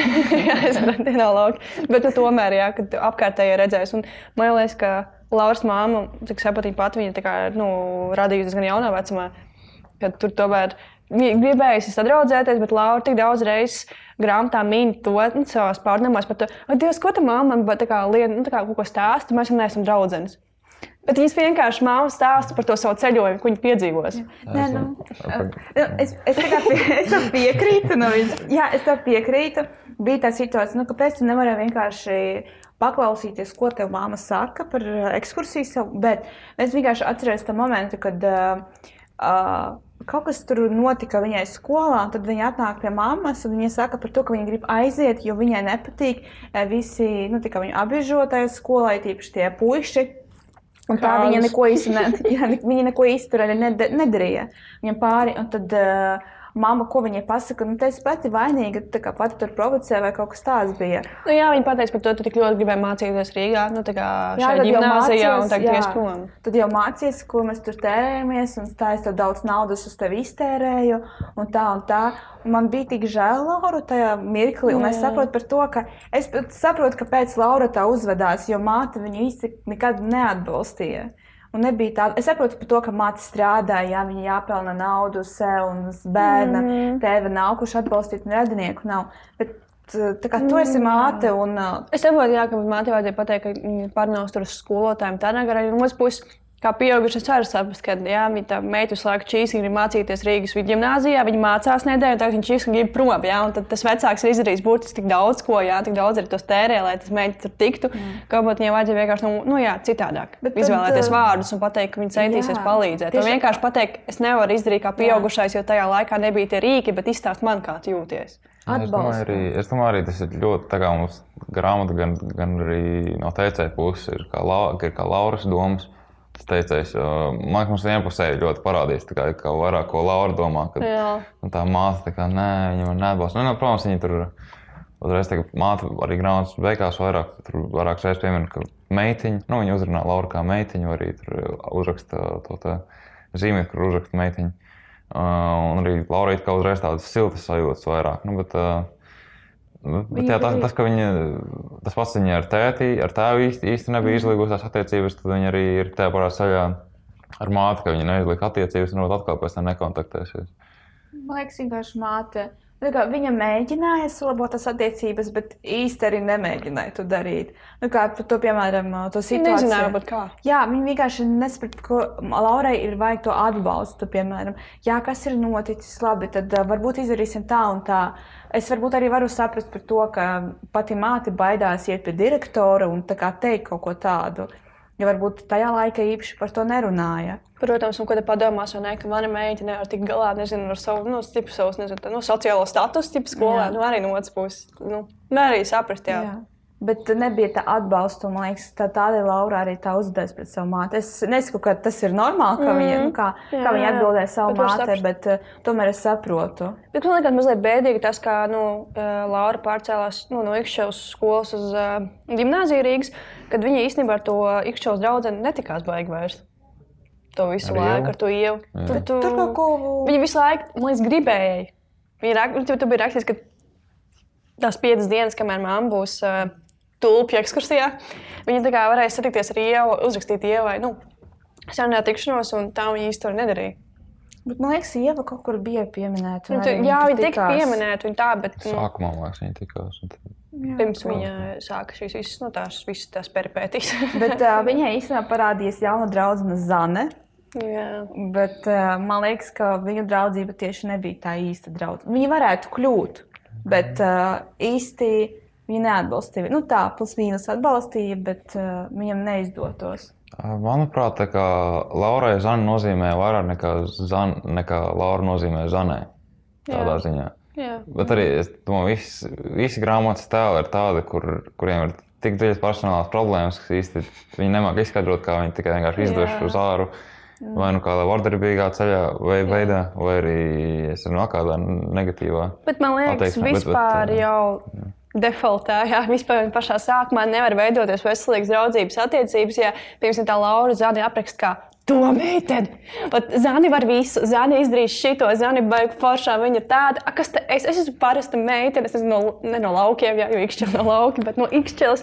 Un ko tad es no tevis laiku, tā bija tā brīna, ap Zani. Un tad viņi sēž ar māru kopā. Nu, es teiktu, varētu, mm, tā kā, nu, Zani varētu tā un tā izdarīt, bet es tā nedarīšu. Es taču neesmu Zanim nepietiek drosmes vai kaut kas cits. Un tāpēc mārs tiksies ar, ar Zani, tāpēc, ka Zani tur, es nezinu, ir šī tāda Dievināja Zani. Jā. Bet, bet arī Zana ir tā, man liekas, kas vienkārši viņi draudzēs ar visiem. Tā kā viņi nav. Jā, jā. viņi Varbūt Laura vienkārši pārvērtēja Zanas pieklājību. tā kā ar Zani vienkārši viņa bija draudzīga, laba, bet jā, es arī piekrītu, ka Zanai Laura tā kā. Bet tajā pašā laikā, kad tev vajadzēja tās koncepcijas tabletes, Laura palīdzēja viņai. Pat neskatoties to, ka viņa zināja, ka māte varat neied, neie, nu, neiedot tas tabletes, un nu, viņa varēja paredzēt mātes attieksmi, jo tur arī bija tā attieksme. Nebija atbalsta, bet vienkārši Jā. atkal tu kaut ko izdarīji. Ja? Viņa arī neticēja savu meitai, ka to, ka viņa neko īsti nav darījusi. jā, ka ņēma draudzenei. Jā. biju draudzenes māsai, viņa Un, teica. bet Laura palīdzēja Zanai. Un tā kā Zana novērtēja, man liekas, to paldies. Bet tajā jā. pašā laikā, kāpēc viņam vajadzēja tās tabletes? Jo kāds darīja lietas ar Kārli. Es tev pilnīgi saprotu tās Lauras dusmu. Puisis, kas viņai sagatavojas visu sociālo stāvokli skolā, tas ir Kārlis, jā, nu, kurš tur krukšķi un uh, visādi tādas skaņas izdod, jā, un visu nu, nelabvēlīgi ietekmē Lauras kā vaibus skolā. Un tagad uh, Lau, o, Zana tāda, "Oi, mēs esam Kārli kopā. Nu, viņi nebija kopā, bet, nu, Viņa vienkārši pārgulēja nu, jā, nu, protams, ka Laurai bija tāds. Nu, Jā, Bet arī- Laura izdarīja ļoti cēlu tajā pašā laikā gājienu. Kas varbūt ir pat vecāks, tieši nu, tas ir pieauguša pat tā cilvēka rīcība. Palīdzēt, tomēr. Izdarīt, pārkāpt pāri savam lepnumam, pārkāpt tam, ka tev var būt uh, problēmas no mammas un visām citas lietas, ka viņai bija tāds, ka Dievs labi es tev palīdzēšu, jo es esmu vienkārši labs draugs. Jā, bet arī, kā jau teicu, tā kā, ka visiem ir tās problēmas, kādas dziļās, un Zanē varbūt arī, nu, mums vispār par Zanu mēs jau tik, tik daudz nezinām. Mēs tikai zinām, arī, ko Laura apraksta, ka viņa tur ir tur super foršā, viņa ir visu, viņa ir rudi mati, Jā, viņa var jā. jebko. Viņa ir foršākā meitene, tur klasē tad, ar visiem jā, sadraudzējas. visu, visu viņa grib draudzēties. Un... Un arī, bet arī tas, ka, saku, es domāju, varbūt Zanē arī bija kaut kas. Nu, labi, vienīgais, ko mēs vēl zinām par viņas problēmu, tas ir tas, ka viņa toreiz pārgāja ar to Kirillu un ka viņa arī it kā gribēja, lai viņš pievērš viņa uzmanību, bet mm. viņš arī tā arī nepievērsa. Bet tā tas vienīgā, kā, saka, tā, kā trauma, ko mēs zinām par Zani. Bet tas, ka varbūt arī viņas viss tas pozitīvs, arī, ka viņi mēģina ko nogandēt to savu Jā. slikto, kas ir iekšā. Bet tā kā, pretēji visiem pārējiem uh, grāmatas tēliem, Viņa ir tā vienīgā, kas spēj to pārvērst. Viņa ir tā kā jauka. labi. Jā. Jā. Bet kas man liekas, uh, Laurai vienmēr viņai vajadzēja kaut kur iet, viņai bija jā, jāatprasās no māmas, un Mārim un Zainai nekad nebija jāatprasās. Man liekas, katrā grāmatā, filmā vienmēr būs tie kādi jaunieši, kuriem vecākiem pilnīgi visur ir alga. Jā, tā kā Laura visu laiku arī mammai teica, ka izdarīšu to, to. Un tad ir tā Laura, kur īstenībā dzīvo nu, normālo pusauģu dzīvi, ja, ka tev ir 16, 17 gadi, tev ir tā kā. Pat ja nav telefona, iPhone neeksistē, tad tā ir jāpazina viņa vecākiem, kur tu esi. Un Māris Zana tāda, ah, vienalga. Un tad, jā. Viņi īstenībā nedomā, ka mums vecāki, kāpēc nu, mums jādara. Jā, tu mums varbūt tā realistiskā aina no dzīves bija pazudusi, ka tomēr es nezinu. Jo bija tā situācija, kad nu, Laura atnāca pie Zanes un prasīja, vai tu paliksi pa nakti pie manis. Jo mamma aizbrauca piecām dienām. Un viņa pasaka, nē, es nevaru. Man plāni ir. Man tāds, kāpēc tu nevari pateikt? Jā, visas piecas dienas galvenais ir ar plānu. Labi, šovakar tie plāni negaidīt. Jā. Jā, un man tas varbūt kaut kas patiešām noticis, tad, kad, man liekas, viņas māsa Renāte aizgāja. Un Laura domā, ah, labi, tu tad laikam tagad pateiksi, bet viņa nepasaka to. Un es galvenais domāju, nu, labi, kāpēc, kas ir noticis. Ja beigās mums- mēs tā neuzvaram. Jā, mēs neuzzinām īstenībā, kas ir noticis. Bet man liekas, tas vienkārši bija izdarīts tā, lai vienkārši tāda neaizietu un atnāktu Tas māris. bija vienīgais iemesls, kā Jā. uzstāstīt, lai zvanītu un neatnāktu. Jā, ciems vienkārši padarīt uh, Zani aizņemt uz piecām dienām. Bet, bet Jā, jo kādēļ? pašai vienmēr ballēs, viņa vienmēr ir laiks, un pēkšņi viņai vajag izdarīt tā, lai viņa nav laika. piecas dienas. Varbūt arī vi- viņa to pateica, jo negribēja kopā ar Lauru būt. Nezinu, viņa negribēja skatīties filmus, filmus un ēst kaut ko garšīgu. Ja man 17 gados draudzenei vecāki aizbraukt prom, es viņas pārvāktu dzīvot labāk, tā kā ar visām četrām pārām būtu tāds jēga. Jā, dažreiz vajadzēja, eh, es atceros, eh, viņa draudzene bija. Un, eh, nu, tā kā mēs gribējām tādu kā nakts uztaisīt, filmu Jā, jā, jā. skatīties un kaut ko tādu. Un va- man, man vajadzēja kā prasīt viņas vecākiem, lai atļautu, jo viņi tā kā neatļautu to. Un Es atceros, mana mamma arī runā ar viņas radiniekiem, tā kā pateica, ka viss būs kārtībā, būšu mājās, kā nekas slikti nebūs. Jā. Nenozīmīgi, ja man draugiem aizbrauc kaut kāda, nezinu, mamma vai vecāka vienkārši pavisam kaut kur prom uz kādām dienām, kaut vai tikai uz weekendu. Tad tev ir garantēts, ka tev būs pritons tajā mājā. Ar 20 cilvēkiem vai 10 cilvēkiem. Un Bet- trīs dienas pēc kārtas. Bet uh, tas, man liekas, notika plus mīnus tikai, tikai ar Māri. Ka viņš uh, nozaga naudu, 95 latus, jā, un tad uh, arī nopirka, ko viņš tur nopirka, nezinu, Žēl. zāli. Jā. Viņš nopirka, salietoja to visu, un uh, Man liekas, interesanti, ka Lauša mamma nepamanīja, ka tepiķī ir caurums izdarīts. jo grāmatā tā kā mamma atgriežas mājās. un Viņa man šo visu izkastu mājās nepamanīja. Viņa aizgāja aiz mazgāties. jā. Anna, visu, uh, Anna. Sveiciens Annai, viņa dzimšanas šodien. Uh, bet, uh, jā, un tad Laura tur cenšas visu savākt, bet viņa jau nesavās to paklāju. Viņš nenopirka jaunu paklāju. Kas ar to paklāju notika? Jā, tas ir neatricinātā lieta, kas nav ne- netika pastāstīta. Jā, ja godīgi, tā kā tur nebija pasādīts, arī pats neatcerējos līdz tam atgādināt. Uh, bet kā jums liekas, vai Māri varēja izglābt? Jo, jo Laura mēģināja, viņa visu laiku teica, ka es uh, izglābšu. Nu, labi, viņa varbūt neteica, ka es izglābšu, bet mums viss būs kārtībā. Un tā. Nē, nu, viņu var izglābt tikai tad, ja viņš pats grib sevi izglābt. Ja viņam pašam vajag apzināties savas problēmas, bet viņš īstenībā, man neapzinās. Viņš, nu, Man atceros, ir vairāk filozofisks jautājums, vai vajag glābt puisi, kurš uz, um, izgraizīja sev uz rokas tās Lauras vārdu. Man liekas, atbildi paredzam, nē. Bet es domāju, kā viņi ir tik jauni, ka nu, tu nevari tik agri dzīvē uzskatīt, ka tu esi saka, jau sabojāts. Tev ir tik daudz vēl priekšā, man liekas, tu vari izmainīties diezgan. Un cilvēki var izmainīties. Nevis tā, ka Galvenais, lai tā kā tiek sniegta šī palīdzība, tāpat kā mēs, nu, Mārcis kā gulēja tajā psihenē, jā, nu, tā ļoti brutāli izteiksim. Tad uh, cerams, ka, nu, kā arī. Saka, parunāsim par to, jā, ka pēdējās tajās nodējās tur tas viss, tie visi gadi vienkārši paskrien, un mēs neko nezinām. Kas notiek ar Māri, Zani un visiem pārējiem. Un, uh, protams, ja Mārim sniedz šo palīdzību, viņš tika uz terapijām, visam pārējiem, loģiski, ka viņš ir glābjams un jau viss ir kārtībā. Bet, uh, jā, es ceru, ka man viss ir kārtībā. Man patīk arī, ka tā te skolotāja, literatūras skolotāja, laikam, ko, nu, ko, kurš atķēra Jā. Lauru beigās, ka viņa arī teica, ka Māris vienkārši ir izlutināts puika, kurš tā kā vai viņam iegūt dzīves mācību. Jā. Bet arī vai šeit netiek arī tik līdz tev. Nu, Manuprāt, Mārim viennozīmīgi ir kaut kādas mentālās problēmas. Nu, ir mm. loģiski, ka tur tā kā nav dieva doma atkal cilvēku tā stigma arī no sabiedrības, kas arī mūsdienās ir cilvēkiem. Kā, redz, ja tev ir viss, tad nevar būt slikti. Nu, Mārim taču viss ir. Dzīvo Rīgā, mācās labā skolā, labi mācās, pēc tam vecāki tur ķirurgs, kas viņam tur tēvs bija. Ja? Māte, un tur viss ģimene pilna ir, viss tev pietiek. Un, ko tu, ņemies, ja? un, ko tu esat vēns grāzi?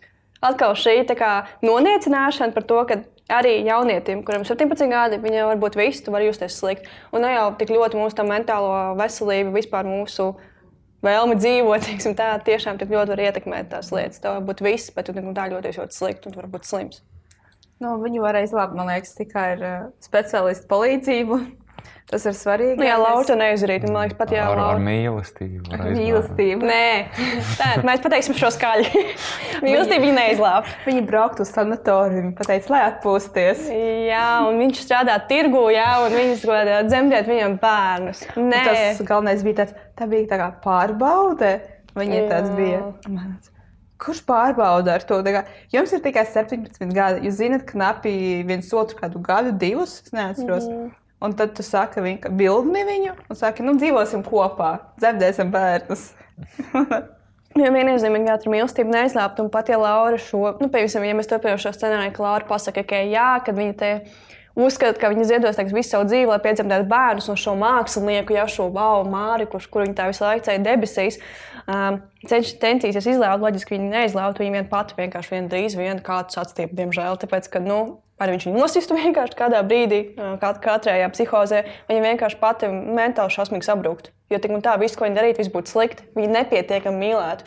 Un, man liekas, tas jau pirmkārt ir šausmīgākais, ka tev, kad kāds var būt veselīgs attiecības, ja cilvēks tev pasaka, nu, tu man nepareizi mīli. Tagad, nu, tāpēc es tevi situ. Tu man nepareizi mīli, tu man siti. Okay, mēs varam parunāt par to, ka ir dažādas šīs mīlestības valodas. Un ka cits tur mīlestību izjūtas ar tādām lietām, citām, bet nu nevajag jau ķieģeli mest. Neviens neizjūt mīlestības ar ķieģeli. es domāju, arī vai beigās Laura vairāk iemācījās mīlēt sevi, ka nav jāmīl tikai citi. Un tā kā varbūt arī tas tāda kā izaugsme viņai, tas, Jā. ka viņa neno, nenoniecina sevi tik daudz, bet tas, ka viņai jāmīl vairāk pašai par sevi. Viņa, viņa, viņa, viņa, arī, viņa arī piemin Mārim. Kā, uh, kurš padomās par mani? Jā, kurš padomās par mani. Jā. Jo pašā sākumā jau jā, Zanai, Zanai, nu, arī Zanai un Laurai visam būtu šī veselīgā pašapziņa, nu, normāli, kad tu saproti, ka, kā pret tevi drīkst attiekties. Tad, nu, jā, nu, kā tu teici, tā grāmata būtu 20 lapām. nu, visi satikās, viņi pateica, nu, paldies par dzējoli, viņš viņai iesist, viņai būtu tāds visai prom. mm. Vis, nu, tur tieši tas, kā, kā jau mēs runājam, kad notiek ar visādiem šiem mēdījiem, filmām, grāmatām kaut kāda šī romantizēšana, šo toksisko attiecību, ka vajag šo drāmu, vajag mīlēt, nemīlēt, tu man nepareizi mīli un vispārējais, kad eh, pēc normālās attiecības varētu būt pozicionēts kā garlaicīgs. Jā, nu, arī es varu atgriezties arī pie tā, ka um, var pat vairāk par sevi runāt. Viņai ir vienkārši grāmatas garumā bijuši cilvēki, no kuriem viņi redz tos piemērus. Tāpat Inga, nu, kas uh, skolas avīzes veidoja, ka viņi viņa Arī bieži vien tur viņa bija laimīga, priecīga, tā kā tik attraktīva. Tagad viņa mm -hmm. veido avīzi, un, bet viņa vienmēr teica, ka ah, man ir draugs gaida. Un tad beigās, kad viņa vienā dienā, vien dienā pienāca pie viņas, tad viņa bija bēdīga. Un tad arī pateica, ka, nu, ka viņa ir stāvoklī, tur mm. viņa jau spiež uz precēšanos, visu to. Un tas arī, es domāju, Laura tieši pamanīja, ka kas notiek, ja tu domā tikai par citiem. Jā, jo Ingūna sanāk, viņa teica, ka visu plānu viņa izkūpa. Viņa nestāsies žurnālistos, jo nu, viņam bērns jādzemdē. Bet, uh, Vienkārši, nu, viņa, īstenībā, ja viņa varēja iestāties jau žurnālistos, viņa varēja to visu izdarīt, bet es sapratu, ka ģimene nebija īsti par to. Nu, protams, mēs viennozīmīgi varam pateikt to, ka mācīties un uh, dzemdēt un iznest bērnu tas ir šausmīgi grūti un audzināt nu, bērnu. Tas, tas, tas noteikti, jā. Bet man ļoti patika Lauras rīcība, kad pašā beigās viņa pienāk pie Ingas un pasaka, ka tu esi forša. Un tad Inga vienkārši staro par to, kā mm. tiesa, jā. Un, uh, man bija tik patīkami gan par Ingu, gan par Lauru. Un arī Laura mm, izdarīja tos pirmos soļus. Uh, kļūt par žurnālisti. Viņa iesniedza to, nu, kā, viņa uzrakstīja to vēstuli. Kad viņai bija tik šausmīgi bail. jā, bet es, es varbūt arī saprotu, ka viņa tikai tāpēc viņai bail. Nu, kuram nebija tik bail kaut ko darīt pirmo reizi? Protams. Jā, jā un īstenībā tas bija tieši to, ka tu publicēsi, un tev jārunā ar cilvēkiem, bet uh, Laurai, uh, Laura baidījās runāt ar cilvēkiem. Jā. Un te īstenībā vienkārši skaties pa savās bailēs. Jā. Bet uh, viss, uh, man liekas, viņai viss sanāca, un tas bija liktenīgi, jo viņa kļuva par žurnālisti galu galā. Jā, kā arī pirms pēdējā nodaļā, kur notiek šī viena no atrisinājumiem par to, ka literatūras skolotāji ieraudzīja to visu viņu kašķi pie skolas. Uh, un tādā garā tad arī viņi aizskrēja uz to banku, un tur bija tas uh, bankas apsargs, kurš, kurš mm. tur to visu lietas izdarīja. Lai gan tas bija, tā, nu, nezinu, bija, bija ļoti. Jā, apbrīnojami skatīties, ka Laura to izdarīja. Beidzot, tas saņēmies.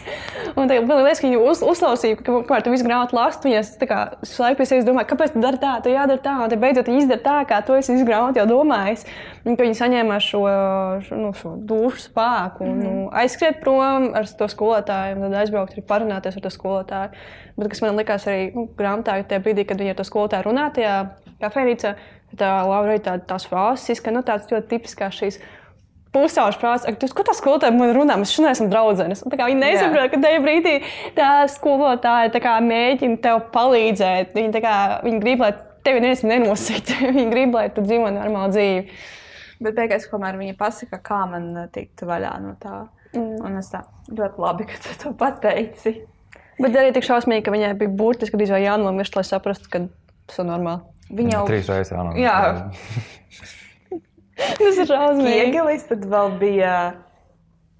Kas vēl bija? Nu, bija Daugava. Daugava, jā, un tad uh, pašās beigās arī. Nu, man liekas, tieši tas brīdī, kad jau kā, tā, vispār diezgan dramatiski bija aprakstītas visas tieši tas Daugavas Jā, tās lietas. Es, beigās. jā, es arī lasīju, un tur pilnīgi, nu, burtiski sirds pušu plīs, kad to lasīju, tās lietas, kā viņi arī pakrīt tajā ūdenī, kā mārš viņu mm, iegrūž, un tās frāzes no māra, kas tur iet arī. Uf, Pilnīgi trakums. Un tad bija tā kā jūt, ka viņi tur iegrims, un tad viņa atcerās, ka, ja pieskarsies zemē, viņa vairs nevarēs uzspēlēt atpakaļ uz augšu. Un tad viņa vajag visiem spēkiem ņemties un, nu, uz augšu, uz augšu. Un tad, kad viņa nu, iz, iziet ārā un viņai viss sanāk, tas ir. Oh, nu, tas bija ļoti viņa ļoti. tiek mājās, un uh, tas pirmās domas, ka viņa jātiek uz dušu, viņa izmazgājās, tad viņa iet gulēt, un viņa saprot, ka viņai jāgur tikai kādas 3-4 stundas. Bet saprotiet, skolnieka spēku. Viņa tikko gandrīz nomira, bet viņa atnāk mājās, nomazgājas. Viņa tāda rīta eksāmenis. Jā, Tā kā Rīta matemātikā eksāmenis. Ja viņa kā- nelos to eksāmenu, viņa netiks tālāk Jā. uz 12. klasi.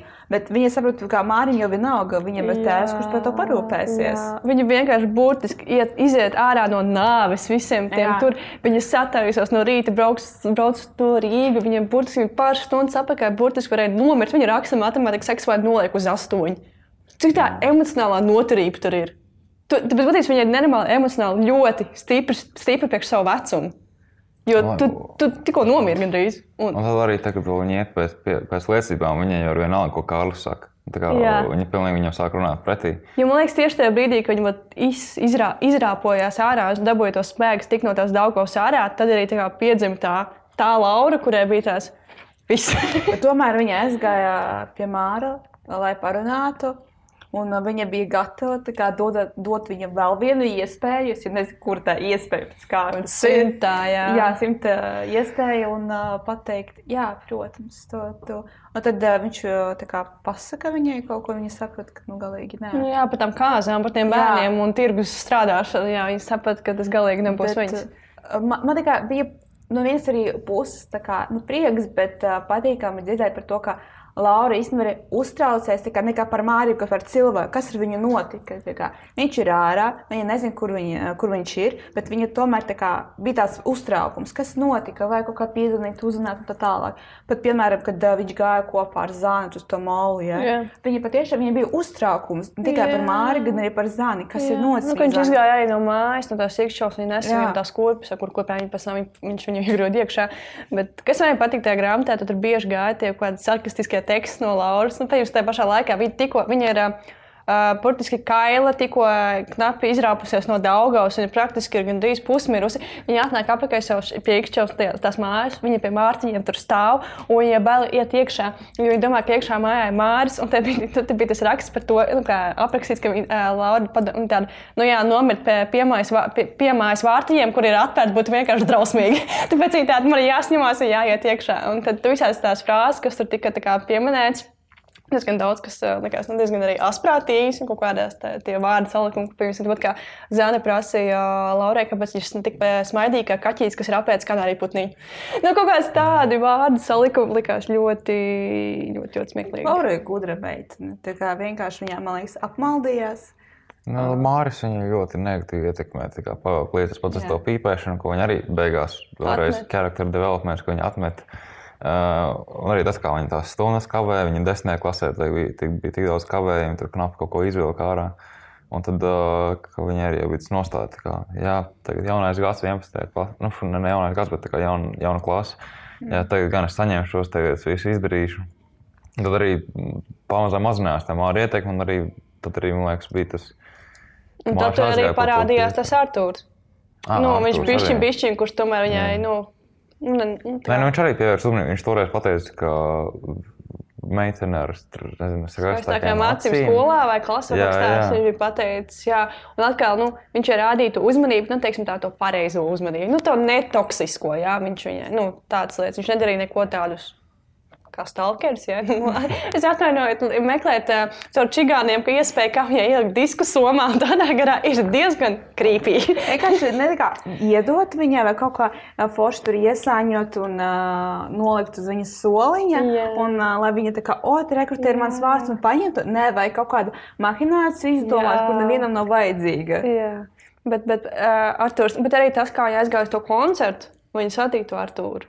Un viņai patīk Arthurs, bet tāds nē, es esmu kopā ar Māri. Un arī ļoti, atkal diezgan kliš, klišejiski, ja, kad tā, viņai nebija neviens puisis, un tagad viņai pēkšņi divi parādījušies, un viņa var izlemt, kur viņai vajag. Uh, Nu, bet, jā. viņa izvēlējās Māriju, jo viņa bija kopā ar Māriju, un viņa nevarēja tikties ar uh, Artūru. Tomēr viņa nevarēja to darīt. bet par pēdējo nodēmu mums vajag parunāt. Jā, nu, tur bija acīm redzams, kas beigās atnāca. Artūru? Arturs. Jā, bet īstenībā, kad uh, viņi sāka domāt, ak, Dievs, kas tas varētu būt, tas varētu būt Mārcis. Man tiešām bail palika par viņu. Jo tikai ir aprakstīts diezgan šausmīgi, Jā, ka viņai tur kājas viņa tur es, uzreiz, es uzreiz iedomājos, tā kā, ja tā būtu filma, tad būtu tā kā Terminatora divi, ja iziet no durvīm, ja slow motionā. Jā, kā draudīga mūzika vēl. Jā, jā, jā. Jā, mēs redzam, kāju tikai kā iet uz Jā. uh, kostīmu, un tad redzam, oh, se- tas ir Artūrs. Saka, Dievs, Nē, mēs tikai labi." no aizmugures redzētu, īstenībā, filmā. Nē, jā, mēs redzam tikai no aizmugures, un mēs tikai dzirdētu to frāzi, un tad atpazīstu, kas Jā. tas Un, ir. un tas būtu post-kredīcijas. Jā, jo no Arthurs viņa grāmatu sauc viņu par šo šausmīgajā vārdā mazais. bet, jā, bet kas man personīgi pietrūka, ka pēdējā nodēļa bija, bija, bija šausmīgi īsa. Jā, man liekas, arī tas, de- tas Es endings- zināt detaļas. Tas endings vienkārši likās ļoti rašs. tā kā Tu esi pēkšņi vidusskolā, tad, tu- tad tu jau esi pabeigusi, tu Jā. jau strādā kaut kādā redakcijā, Jā, tur jāveido kaut gadus pār, pārlec. Un arī tas, ka nu, tas vairāk kā atstāt savu, atstāt savu in- interpretācijai. Uh, bet jā, pārsteigts vairāk tā dēļ. Mēs nezinām vispār jūtīgi, kā Laura līdz tam nonāca, kas vispār notiek ar visiem pārējiem. Kur Man- zāne, kur, kur, kur ā, Varbūt, varbūt arī tas pats tā kā, it kā, nu, par to mīlestības likt, likt, likteni, it kā, protams, ka pirmā mīlestība tev liekas tā. Jā, šī mēs būsim kopā. Visu vienmēr." Jā, kā mums nav nekas slikts. Pats bija. Viņam, jo Laura vienkārši nezināja, kas ir mīlestība. Varbūt. Viņa, viņa, viņa nemācīja nemīlēt, viņa nezināja, Jā. kādai tai jābūt. Tāpēc viņa arī uzskatīja, ka šis sarežģīts attiecības tādām Nu, ja jābūt. mīl, tad laikam ķieģeli met, jā. Nu, jā, bet, uh, un, arī, un arī tas, ka atkal atgriežoties pie tās liktenīgās mīlestības, kā ka, labi, at- atkal atgriežas Arthurs. Tas, ka varbūt, varbūt tas bija. Bet, ja mēs atceramies, tad Laura taču minēja grāmatā, ka man liekas, tas bija pēc koncerta, ka viņi tur, viņiem tur notika kaut kāda to sieklu apmaiņa. jā. Viņi tur skūpstījās, laikam, man šķiet, tas Jā, pareizais. viņa vienkārši apskaujas. Jā, varbūt, jā. Un tad viņa skrēja prom, un viņa kaut kādā brīdī domāja pie sevis, ka viņa, jā, viņai patīk ar Turku. Viņa to saprot, ka tā kā, nu, ir apjūtīgi daudz labāks par uh, Māri. Bet uh, viņai bija tas, ka, nu, ja būs lēmums, tad mēs pēc pāris gadiem satiksimies ar Arthuru. Viņa to pasaka. Nu, tā kā, ne, pasaka, viņa tā padomā. pie- Nu, mēs to izlasām, Arī respektīvi. tas viss. uh, Un, Sanā, nu, tā ir sanāca viss. Bet arī tas, ka kāpēc pēdējā nodaļā pietrūka detaļas, tāpēc, ka viņi izgāja tik daudz gadus cauri, varbūt viņai bija vēl mīlestība. Varbūt viņa universitātē kāds satika, varbūt viņa vēl kaut varbūt, ko. bet man īstenībā es.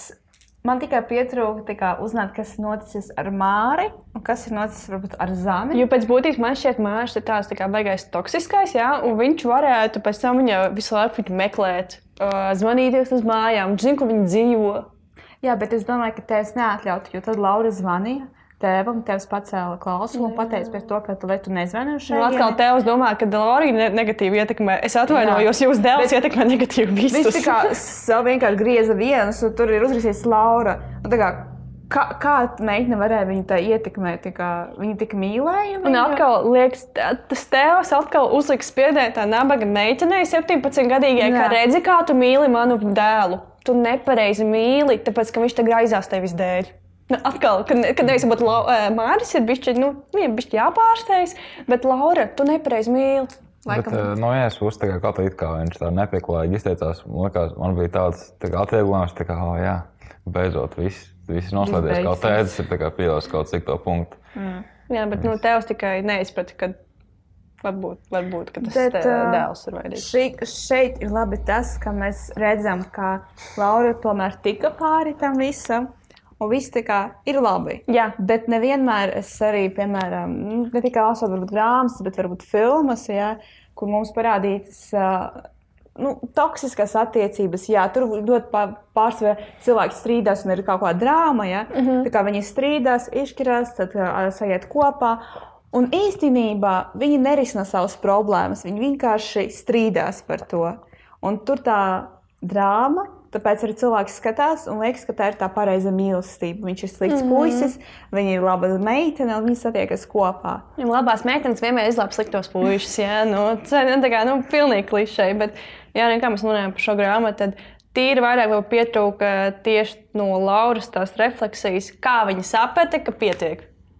Nu, kā, O, jā, mēs jā, varam jā. izdomāt, ka jā, Jā. tas gājiens mm. no Daugavas izlīšanas kā nāriņai, ka viņi tur izglābās brīnumainā kārtā, kad viņai tur atmodās, nezinu, trešā acis un piektā dvēsele, un viņi saprata, ka viņi ir cienīgi kaut kā vairāk. Bet tīri vairāk varbūt tās aprakstīts tās sarunas viņai pašai ar sevi, kuras ir ļoti daudz aprakstīts, kurš man ļoti, ļoti patika. Vairāk par to, ka, hei, nu, tas laikam jau normāli, es esmu kaut ko vairāk pelnījusi. Nu, mm. tā, tā nav mīlestība. Es nē, neviens nav pelnījis, lai viņi tā mīlētu. Un nevis es nepareizi mīlu, bet es mīlu pareizi. Skolotāja man liekas, palīdzēja viņai to saprast, un tajā momentā bija tāds, ko man darīt. Jo, man liekas, vienkārši viņa nogura no tā, un viņa gribēja tikt vaļā. Un, jā, mums tā kā nerāda, kā viņa tika vaļā, tika, kas noticis ar Māru, vai vispār Māris pabeidza šo skolu, viņš pārvāca uz citu skolu. Man liekas, tur nebija minēts. Bet man liekas, arī kā es pirms tam minēju, ka vienkārši nekā tāds krāsēs vairāk, vairāk to iekšējās pārdomas par to, kā viņai pakāpeniski mainījās, jo tas likās ļoti pēkšņi. Jā.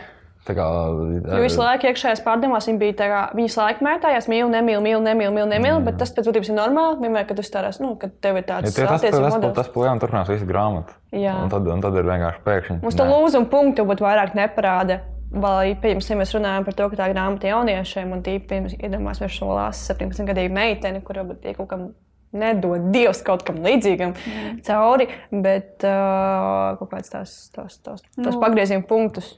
Tās pārdomas, kas varētu arī ieklausīties, nu, atbalstoties cilvēku, cilvēkā, kurš tam cauriet. Lūzuma punkts, man liekas, bija tieši pašās beigās, kad uh, viņš arī nozaga to 90 tos latus. Jā, nopirka sapīpējis, Jā. viņa atbrauc mājās. Un galvenais, uh, viņa jau atstāja durvis vaļā, lai viņš varētu tikt projām. Mm. Viņš man liekas, arī atbrauca nākamajā dienā, jo tā viņa var, nevarētu tikt mājās bez atslēgām. Jā. Un arī tas, ka, piemēram, viņš ir viņas internetu iztērējis, jā, jā. Par ko mammai jāmaksā. Viņam tā, ka viņa pati nepelna. Mammai viss jā, jāsastāv, viss izdevumi. No rīta viņai jāceļas uz skolu, jābrauc ar vilcienu. Nu, jā, čelīt, tā ir ikšķila, kamēr līdz Rīgai tiksim, jā, un viņš vienkārši guļ. Nē, nu, Viņš, es, es vienos atvūkšos uz skolu. Viņš visu laiku provocēja, lai Lāra viņam pavalkas līdzi. Tas pats Jā. Bija. Nē, kā tas saka, šit- šie, šie piemēri, ka viņš guļ, viņš domā, varbūt, lai viņš, lai viņš pats paliktu mājās, lai viņš varētu kaut ko vēl kā, parakņāties. Tas pats, tagad viņš aizgāja uz uh, Dāgo bez zābakiem. Viņš speciāli neuzvilka zābakus, lai jo viņš zināja, nu, lai Lāra nāk līdzi, lai viņa kā atnes viņai to zābakus, ja viņai sirdsapziņa to nepiedos, ja viņi vienkārši Jā. atstās viņu. Un tad viņš mm. pakāpeniski provocē. Tas pats kā, ah, es aizmirsu, ka nosēdēju kaut kādas trīs stundas ilgāk internetā nekā vajadzēja. Un, un, arī, un arī viņš meklē attaisnojumu savu rīcību. Nu, viņš, viņš zina, ka tas ir nepareizi, viņš ir kā kaina psihopāts, bet es domāju, vai Laurai liktos normāli tas, ka, piemēram, ah, man zāle, zāle bija heroīnā izmērcēta, un pēc tam otrreiz arī tā kā, ah, tagad es uzpīpēju zāli, tad tur uh, ir tās emociju izdalījums ir daudz tā kā, mm. nu, Tā kā vienkārši man jau tā visa reakcija, tāpēc, ka tu vienkārši nepareizi man atbildēji. Tu pārāk sāsināt visu uztver, Laura. Tā kā tu man nepareizi mīli, ko tu. Nu. Tas, tas jā, un arī bija tas moments, kad man liekas, viņai sastrīdējās atkal, uh, kad, kad Mārcis bija pie Lauras, tad viņš aizgāja lejā pīpēt. Un viņš tā kā nenāk uh, nu, atpakaļ. Jā. Tad viņi sāk domāt, ka Dievs, nē, es neiešu, un tad viņi aiziet. Un viņš tāds, ah, nu, ko tu tā ilgi tā mani pa pakaļ, meklēt. Un man tāds, ko? Kāpēc? Kāpēc tur jādara? Viņš arī man liekas, provokācijas. Jā, viņš arī man liekas pipēja virtuvē vai kur jā. viņš tur. Zem loga arī. Jā. Mhm.